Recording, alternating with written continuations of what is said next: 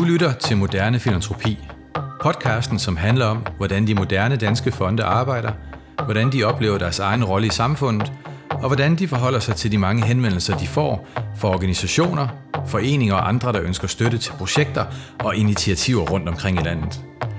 Podcasten produceres i samarbejde med Danmarks Fonde og Fonde.dk. Din vært er Trine Gammelgaard.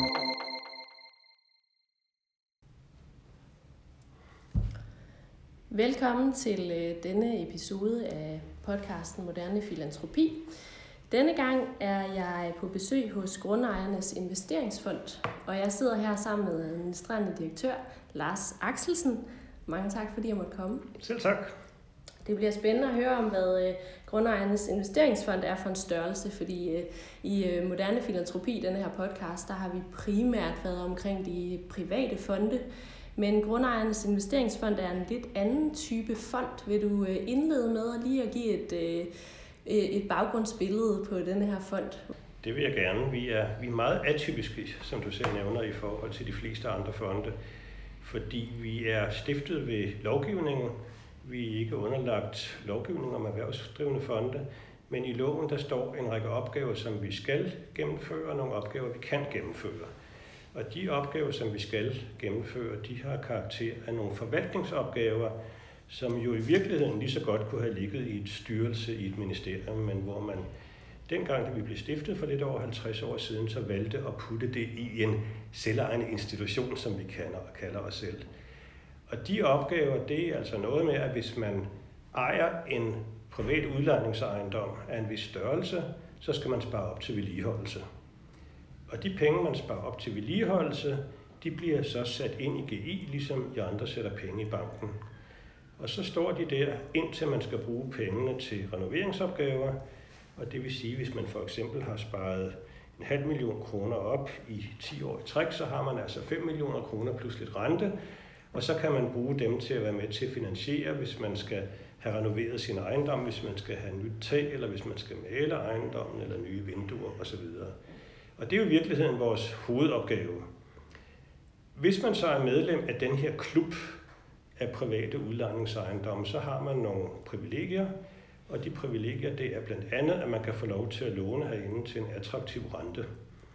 Og det er selvfølgelig en lille smule pudsigt i øjeblikket, hvor renten er ved at nærme sig 0, og vi har obligationer, der nu er åbnet med en, med en rente på 1%. Men traditionelt har vi altså ligget på et lavere niveau end realkreditrenten.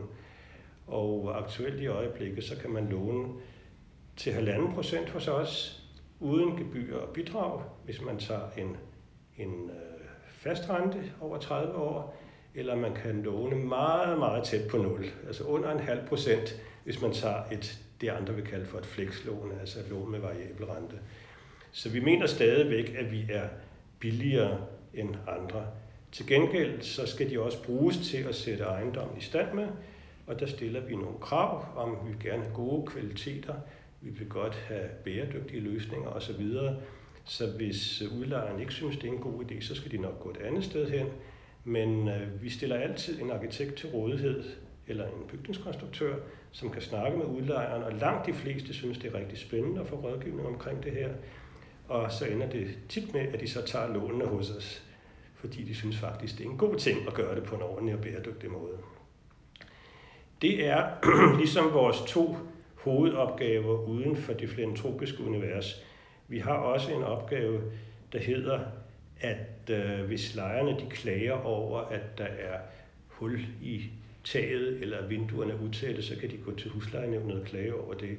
Og hvis udlejeren så ikke gennemfører det inden for en bestemt frist, så kan de gå til GI, og så kommer vi ud og snakker med udlejeren om det. Vi prøver at motivere ham til selv at gøre det. Og hvis han ikke selv gør det, så går vi ud og gør det. Og så kan vi få vores omkostninger dækket ved at optage lån i ejendommen. Og endelig så har vi en lille ordning, der hedder, hvis man nu mange gange har været, været det, vi kalder en fartsønder i godsøjne, så kan man få klippet kørekortet. Altså hvis man har haft sådan nogle sager her, hvor man ikke har, har øh, overholdt de frister, der har været øh, fra huslejenævnet, eller hvis GI decideret er gået ind, så får man et klip i et kørekort. Og det kan så ultimativt ende med, at den kommer til domstolene, og man bliver frakendt retten til at administrere sin ejendom. Og det er hovedparten af vores opgaver i GI. Det var det, vi startede med helt tilbage fra øh, altså over 50 år siden, hvor vi jo var i en meget anderledes situation end i dag, hvor boligerne var meget, meget dårlige, og der var, der var meget mindre boliger, der var mange af dem, der havde mange installationsmangler, og det var det, der var grundlaget til, at GI blev, blev stiftet, at, at, øh, at man godt ville være med til at rette det her problem, samtidig med, at man ville rette en ubalance i huslejerne, fordi huslejerne havde været låst fast under 2. verdenskrig. Og det fik man så løst samtidig, hvor man lavede Grundejernes Investeringsfond for den private sektor og Boligselskabernes Landsbyggefond for den almene sektor. På den måde. Og der kan man så sige, at det har jo ikke noget med filantropi at gøre, alt det Nej. her. Men allerede fra starten, så var der en paragraf, der sagde, at vi godt kunne være med til at støtte nogle gode projekter, som kunne være med til at, at udvikle øh, byggesektoren. Og øh, der var jo bare ikke rigtig så mange penge i begyndelsen. Men inden for de sidste 20 år, så er vores, altså eller, i løbet af den lange periode, vi nu har været siden 1967, så er egenkapitalen vokset. Og den har sådan ligget imellem 1,5 milliard kroner og 1 milliard kroner, og vores balance ligger omkring 4 milliarder kroner. Og på den balance, der tjener vi jo nogle renteindtægter og får noget afkast på aktier. Og der står så i den nugældende version af boligreguleringsloven, at vi kan bruge op til 20 procent af vores finansindtægter til øh, projekter og initiativer og forsøg inden for byfornyelse og byudvikling. Og det er så det sidste ben i, i GI's opgavemængde, kan man sige. Og det er gået fra, ja, nu kan jeg ikke lige huske tallene, men altså hvis vi går 20 år tilbage, så var det måske under 10 millioner kroner, vi kan ud til det her. I øjeblikket ligger det mellem 30 og 40 millioner kroner om året. Og der er vi jo så blevet en mellemstor aktør i det filantropiske univers, vil jeg sige. Ja, Hvis, hvis man lige kigger på, vi er cirka 50 mennesker ansat i GI, og langt de fleste af dem, det er jo dem, der laver de her forvaltningsopgaver, som jeg startede med at fortælle, som altså lige så godt i virkeligheden kunne ligge i et ministerium eller et andet sted. Og så er vi i virkeligheden en lille håndfuld mennesker, som tager os af filantropien okay. Så man kan sige, det er, det er ikke så mange mennesker. Det er et middelstort beløb, der kan være med til at gøre en, en, en øh, forskel. Og så er vi vel sammen med Realdania i virkeligheden de eneste, der lige præcis har et målrettet blik på det med at sikre bedre vilkår for renovering og sørge for, at vi får nye metoder, vi får gode kompetencer og så videre. Vi har ikke noget med nybyggeri at gøre, så altså alle de støtteprojekter, som vi nu yder, de handler grundlæggende om at skabe bedre vilkår for renovering, bedre og billigere metoder på den ene og den anden måde. Og renovering i Danmark, det er jo altså en, en økonomisk aktivitet, som fylder væsentligt mere end nybyggeri. Ja, Det kan jeg vende tilbage til lidt senere med et Ja. af vores initiativer. Men Ja. det er faktisk væsentligt mere end nybyggeri. Det er over 100 milliarder kroner om året, man bruger på renovering. Og derfor er det rigtig vigtigt, at man gør det effektivt og med en god kvalitet. Og vil du lige uh, rise jeres støtteunivers op for lytterne og læserne? ja. Altså, vi har en, en udviklingsstrategi, og den mest altså, konkrete, jeg kan sige, så man kan forstå det, det er i virkeligheden, at vi har fire forskellige temaer, som er det, vi primært støtter indenfor. Altså helt overordnet set, så siger vi, at vi vil være med til at lave bedre bolig og bedre liv i Danmark. Det er sådan meget overordnet og meget idealistisk. Inden for det, så har vi et tema, der hedder sunde og funktionelle boliger. Vi har et tema, der hedder værdiskabende renovering.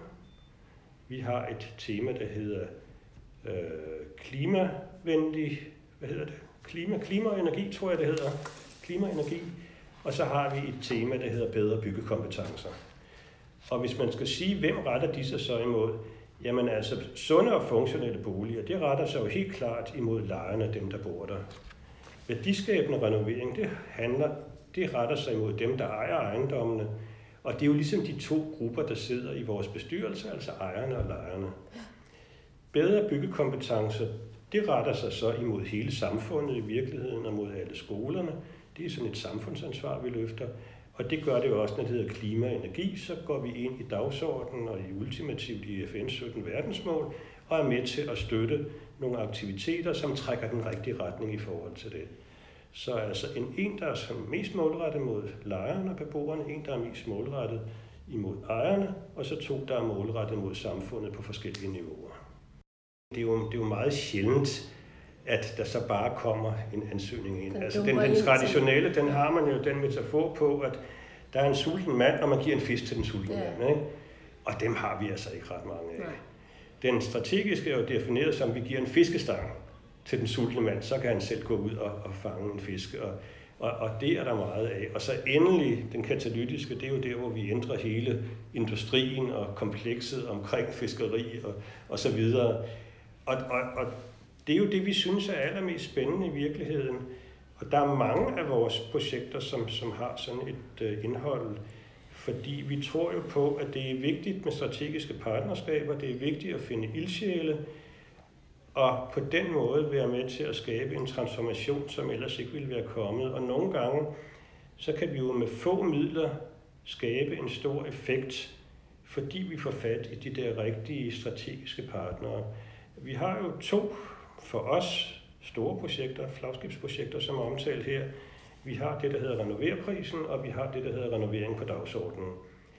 Og det er jo ikke, fordi de koster så mange penge, men hvis vi nu tager renovering på dagsordenen, så stammer det jo tilbage fra ja, det 8 eller 9 år siden. Øh, Vi havde haft en tænketank, der prøvede at, at drøfte, hvad kan vi gøre for virkelig at hjælpe hele renoveringssektoren. Og i forlængelse af det, så blev vi så enige om, nu prøver vi at samle de vigtigste aktører inden for renovering, og det er jo så brancheorganisationerne, hvor vi så er gået i en alliance med det, der hedder Bygherreforeningen, og så har vi en række partnere, som for eksempel er Dansk Byggeri, og danske arkitekter, og danske ingeniører, og MT Højgaard, og Covi osv. Der har vi sådan 10-15 mennesker, der, der mødes og har gjort det nu i, jeg tror det er 8 år. Og hvor vi prøver at diskutere, hvad er det så, der virkelig skal til, hvis vi skal skabe bedre vilkår for renovering. Og den grundlæggende, altså udgangspunktet for hele her, det var det, jeg sagde til dig før. Renovering fylder faktisk mere end nybyggeri. Det er 100 milliarder, det er mange penge. Nybyggeri er så kun 60 milliarder. På trods af det, så hvis vi går de der 10 år tilbage, så var hovedparten af interessen, både hos entreprenører og hos arkitekter, det var at koncentrere sig omkring nybyggeriet. Og der var en tendens til, at når så konjunkturerne vender, og der ikke er så meget nybyggeri, så kan vi fylde op med noget renovering. Det er sådan noget støvet, kedeligt, usekset noget. Og det synes vi var en fuldstændig forrøvende måde at se på tingene på, fordi virkeligheden er, at renovering er meget mere kompliceret end nybyggeri. Det, at du skal ind og åbne et gammelt hus, og du ikke ved, hvad du finder derinde, og skal have det til at hænge sammen med noget nyt, det er langt mere kompliceret end et nyt hus, som du kan projektere fuldstændig på tegnebrættet forfra. Og det var så det, vi sagde, det må være vores opgave at prøve at vende tankegangen, så vi gør det langt mere interessant at beskæftige sig med renovering. Og vi har så fokuseret på produktivitet, og vi har fokuseret på, på øh, kvalitet, og vi har fokuseret på bæredygtighed, vi har fokuseret på drift i bygningerne osv. Vi har skrevet hvidbøger, vi har fået lavet analyser, vi har været tæt inde i forbindelse med hele det energiforløb, der nu har været med energiaftaler, fordi vi tror jo på, at den energi, man sparer, den er billigere end ligegyldigt, hvilken energi du måtte få fra vindmøller. Og der er vi så oppe imod Dansk Energi og andre, som har en interesse i at producere vindmøller og solceller. Og de, de har en, en meget stor indflydelse på det politiske niveau. Nu sagde jeg før, at vi ikke er politiske, men altså grundlæggende her, så er vi jo inden for et fagligt område, hvor vi bare synes, det er almindelig sund fornuft, og hvor vi så har samlet den der kreds af mennesker, som arbejder med renovering, og vi er prøvet at så gå ud og forklare de budskaber, gå til politikerne og forklare dem, gå i offentligheden og forklare dem, lave få lavet så analyser, som underbygger, at det er så fornuftigt at arbejde med det her. Ja. Og det har vi gjort så lang tid nu, at hvis jeg skal måle effekten af det her, så kan jeg sige, hvis jeg læser Byggeriets Dagblad i stationen, og gjorde det for 10 år siden, så stod der næsten ikke noget om renovering. Når jeg læser i dag, så står der mere om renovering end om nybyggeri næsten. Ja. Jeg siger ikke, det er vores skyld, men jeg siger, at vi måske har haft en lille bitte, eller en del indflydelse på, om vi har fået vendt det der tankesæt. Ja. Og når, når vi opfatter os selv som en katalysator, så er det jo altså fordi, vi har været med til at få ideen. Vi etablerer en platform, som ikke behøver at koste ret mange penge, hvor vi sætter de rigtige spillere sammen. Og hver af de spillere, der er der, de har jo deres egen dagsorden. Så vi skal formå at finde den fællesmængde, der er mellem dagsordner. Hvis der er noget, de er dybt uenige om, hvis vi nu tager og siger, jamen altså, hvis dansk byggeri er dybt uenige med, med ingeniørerne eller arkitekterne, så er det nok ikke noget, vi tager op. Men de kan altid finde noget, som de er enige om, at det er bare rigtig fornuftigt at arbejde på det her. Og så er det, vi sætter i gang i analyser og public affairs arbejde osv. for at påvirke politikere inden for det her område. Men det er jo ikke noget, vi selv gør. Det er jo noget, vi så betaler for, at vi har et kommunikationsbyrå, og vi har bygherreforeningen til at varetage de opgaver. Så har vi renoverprisen, nu skal vi ikke bruge meget tid på den, men altså, det er jo også et, hvor vi har samlet en frygtelig masse partnere, også igen for at skabe opmærksomhed omkring renovering, og prøve at involvere i virkeligheden hele befolkningen. Altså, hvis jeg skal sige et lille smule om det, så handler det jo om, at alle mennesker i Danmark kan indstille et projekt. Vi har en, en indstillingsperiode, som starter i begyndelsen af året og varer et par måneder. Vi har en hjemmeside og kommunikerer om den. Man skal hverken arkitekt eller noget andet. Men hvis man synes at gå forbi et byggeri, der er spændende, og siger, at det er sådan noget renovering, og så skal det helst være under fem år gammelt, sådan det bliver lavet, så kan man indstille det. Der plejer at blive indstillet op mod 200 af de projekter om året. Og der er alle med. Og det kan være alt. Det behøver alt. ikke være en udlejningsejendom. Nej, det kan alt. være alt, alle former for renovering. Vi har haft en idrætshal, der har vundet. Vi har haft en udlejningsejendom. Vi har haft et bibliotek. Vi har haft en skole. Vi har haft et kollegium. Så altså der er, eller ungdomsboliger, så der er jo virkelig, virkelig alle typer. Du kan gå ind og kigge på, på den hjemmeside, og det er virkelig alle typer. Ja. Når vi så har fået indstillet de der projekter, så har vi så et, et nomineringsudvalg med nogle folk, der virkelig har forstand på det her, der prøver at koge det her ned til, til en 5-6 projekter. Og så til sidst så har vi en stemmekomité med 70 mennesker fra byggesektoren, der er bredt udvalg, som så stemmer på hver af dem her, og så er det den bedste, der så bliver valgt til årets, øh, årets for årets renoverpris.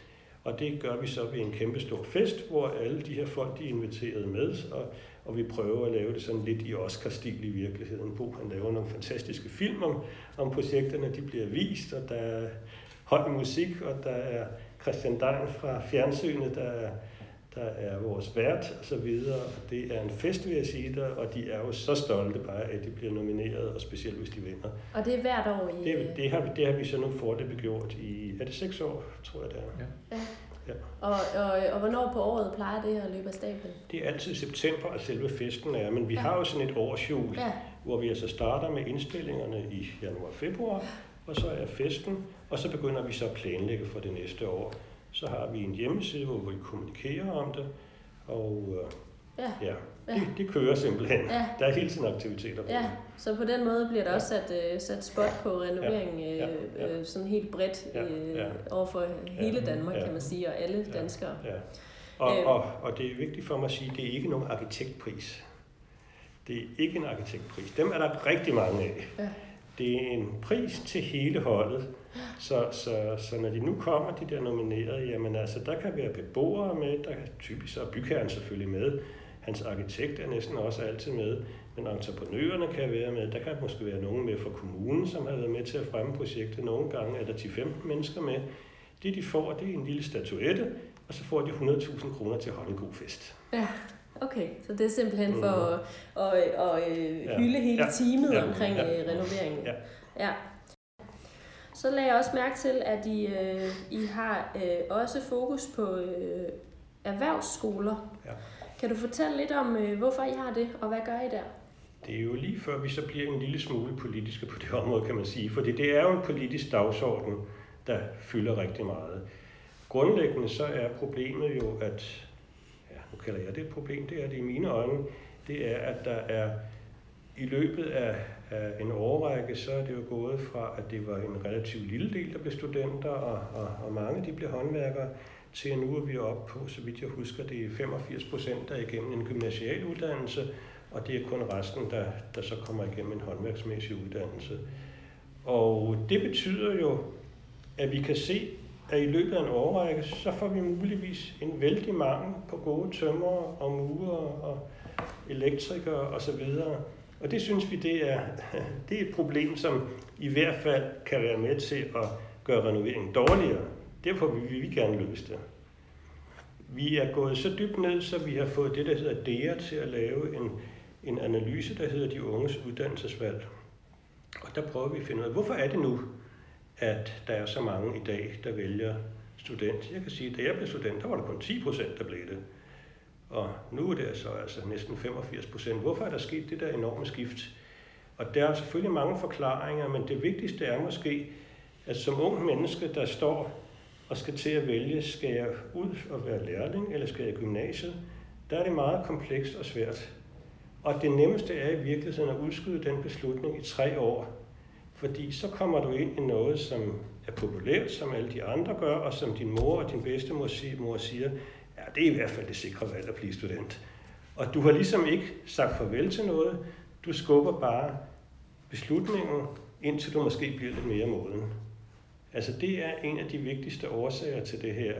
Og så ligger der altså en vældig prestige i at blive student. De holder nogle gode fester som studenter osv. Så, så der er meget, der trækker i den retning. Og der er alt for få, der bliver, der bliver håndværkere og, og starter den uddannelse. Regeringen har jo et mål om, så vidt jeg husker, det er 25 procent, der skal tage en håndværksmæssig uddannelse. De har gjort lidt ved men ikke ret meget. Og vi ligger altså de der på under 20 procent, og, og har ikke rigtig set den store ændring i de tal. Så det vil vi så i al beskedenhed gerne være med til at løfte den dagsorden. Et, et rigtig spændende projekt inden for det område, det er et, som, som hedder Boss Ladies, og det handler simpelthen af fokus på pigerne, fordi der er ikke ret mange piger, der bliver bygningshåndværkere. Traditionelt er der nogen, der bliver malere, men der er ikke mange piger, der er blevet murer og tømrere. Og hvorfor dog det? Altså i dag er det ikke de tunge løft, der begrænser det.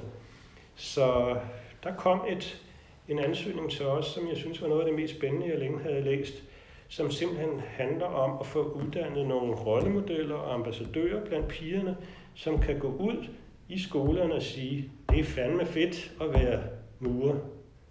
Nu skal I bare se, det er sådan min dagligdag er. Vi tjener rigtig mange penge. Vi begynder at tjene penge som 20-årige. Hvis I går den lange vej, så begynder I først som 30-årige. Der er rigtig mange fordele ved det her. Og jeg synes, det er så stærkt set det der. Nu tager man lige sådan et projekt, der bare handler om at fokus på pigerne.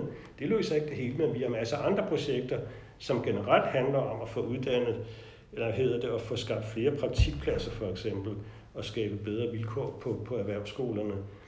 Men det er jo svært, og nu bliver jeg så lidt politisk igen, selvom jeg ikke må det, når regeringen år efter år har skåret ned. Du har nogle erhvervsskoler, der er fuldstændig nedslidte. Du har nogle erhvervsskoler, hvor lærerne måske ikke er de aller, allerbedste i forhold til, hvad de kunne være. Så er det ikke sådan ret motiverende at komme hen og arbejde sådan et sted. Og de der nedskæringer, de er bare fortsat år efter år. Så det skal ligesom være regeringen, der prøver at forvente det, inden det rigtigt begynder at trække i den rigtige retning. Ja. Så, øhm, så det er også vigtigt for jer at støtte op om, at, øh, at, at de unge også får blik for, at øh, det felt her omkring renovering og bygninger og så videre er, øh, er vigtigt. Helt sikkert. Øhm, og, øh, og når jeg kigger, øh, kigger videre, så har jeg jo faktisk en del inden for det her, øh, inden for det her område. Øhm, Fortæl gerne lidt mere om, nu, nu er der for eksempel noget sommerskole, jeg så også vinterskole. Altså er det så nogle, er det nogle projekter, som, øh, som kommer ind som helt almindelige øh, ansøgninger, eller er det noget, I ligesom går ud, går I ud og prikker til nogen og siger, øh, var det ikke en idé at gøre sådan her, eller, øh, eller kunne I få flere øh, studerende til at interessere jer for det her ved at gøre sådan her? Eller, øh, eller er det nogle samarbejdspartnere, der kommer til jer og beder jer om midler til det? Eller hvordan, hvordan kommer sådan noget altså, her jeg, i stand? Jeg kan ikke lige huske, hvordan de enkelte der, de, de startede, men det er jo nogen, som vi kender som nogle gode samarbejdspartnere. For eksempel så er det NCC, som stod bag øh, Vinterakademiet, øh, tror jeg, vi kalder det. Og det er en god samarbejdspartner for os i en række sammenhænge. De samarbejder med nogle andre, som, som vi kender godt.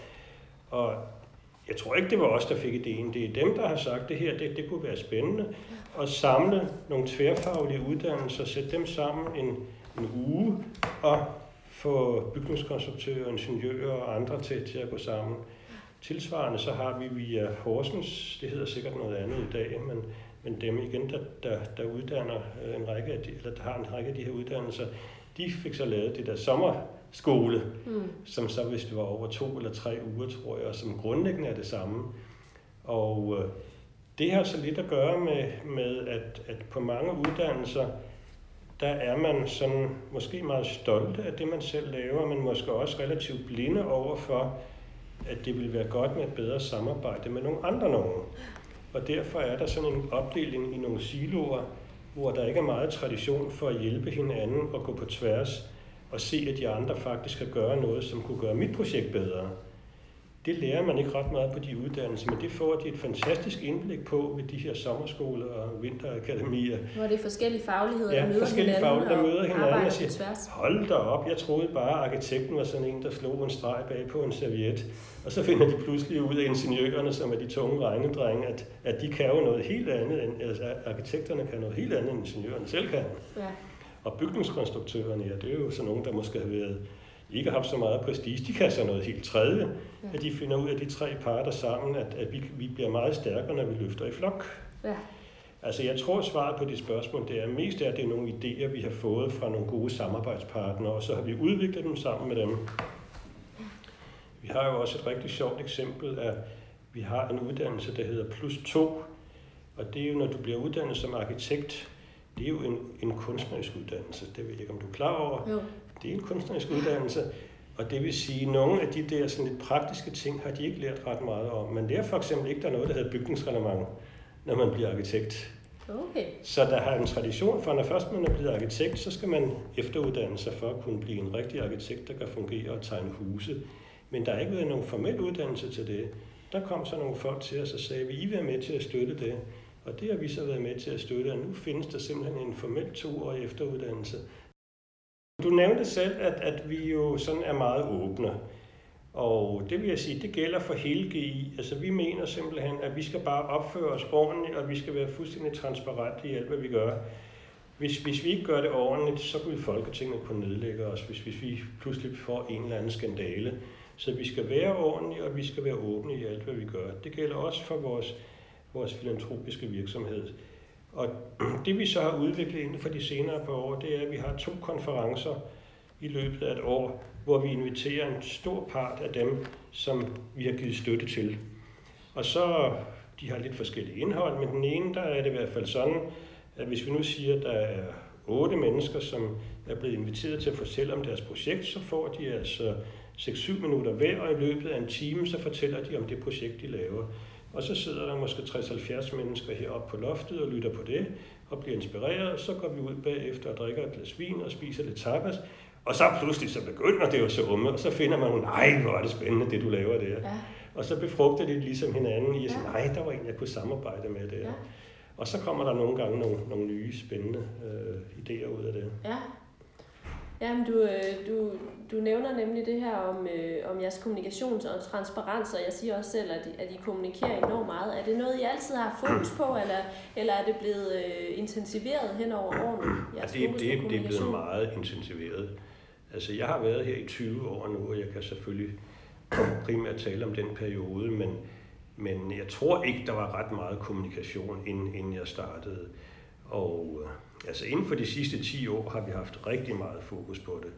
Så altså, det er blevet mere og mere, og vi prøver selvfølgelig hele tiden at kommunikere på de rigtige kanaler og sociale medier osv. Og, og Bo han har jo lavet, hvor mange film har du lavet, Bo?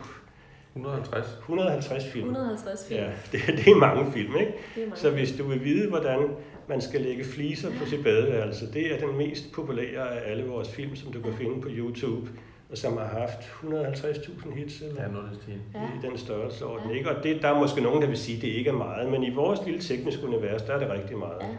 Så det er typisk sådan en sådan nogle byggefilm, hvor man går snævert ind på en eller anden lille problemstilling og siger, hvordan løser vi det på den bedst mulige måde. Ja.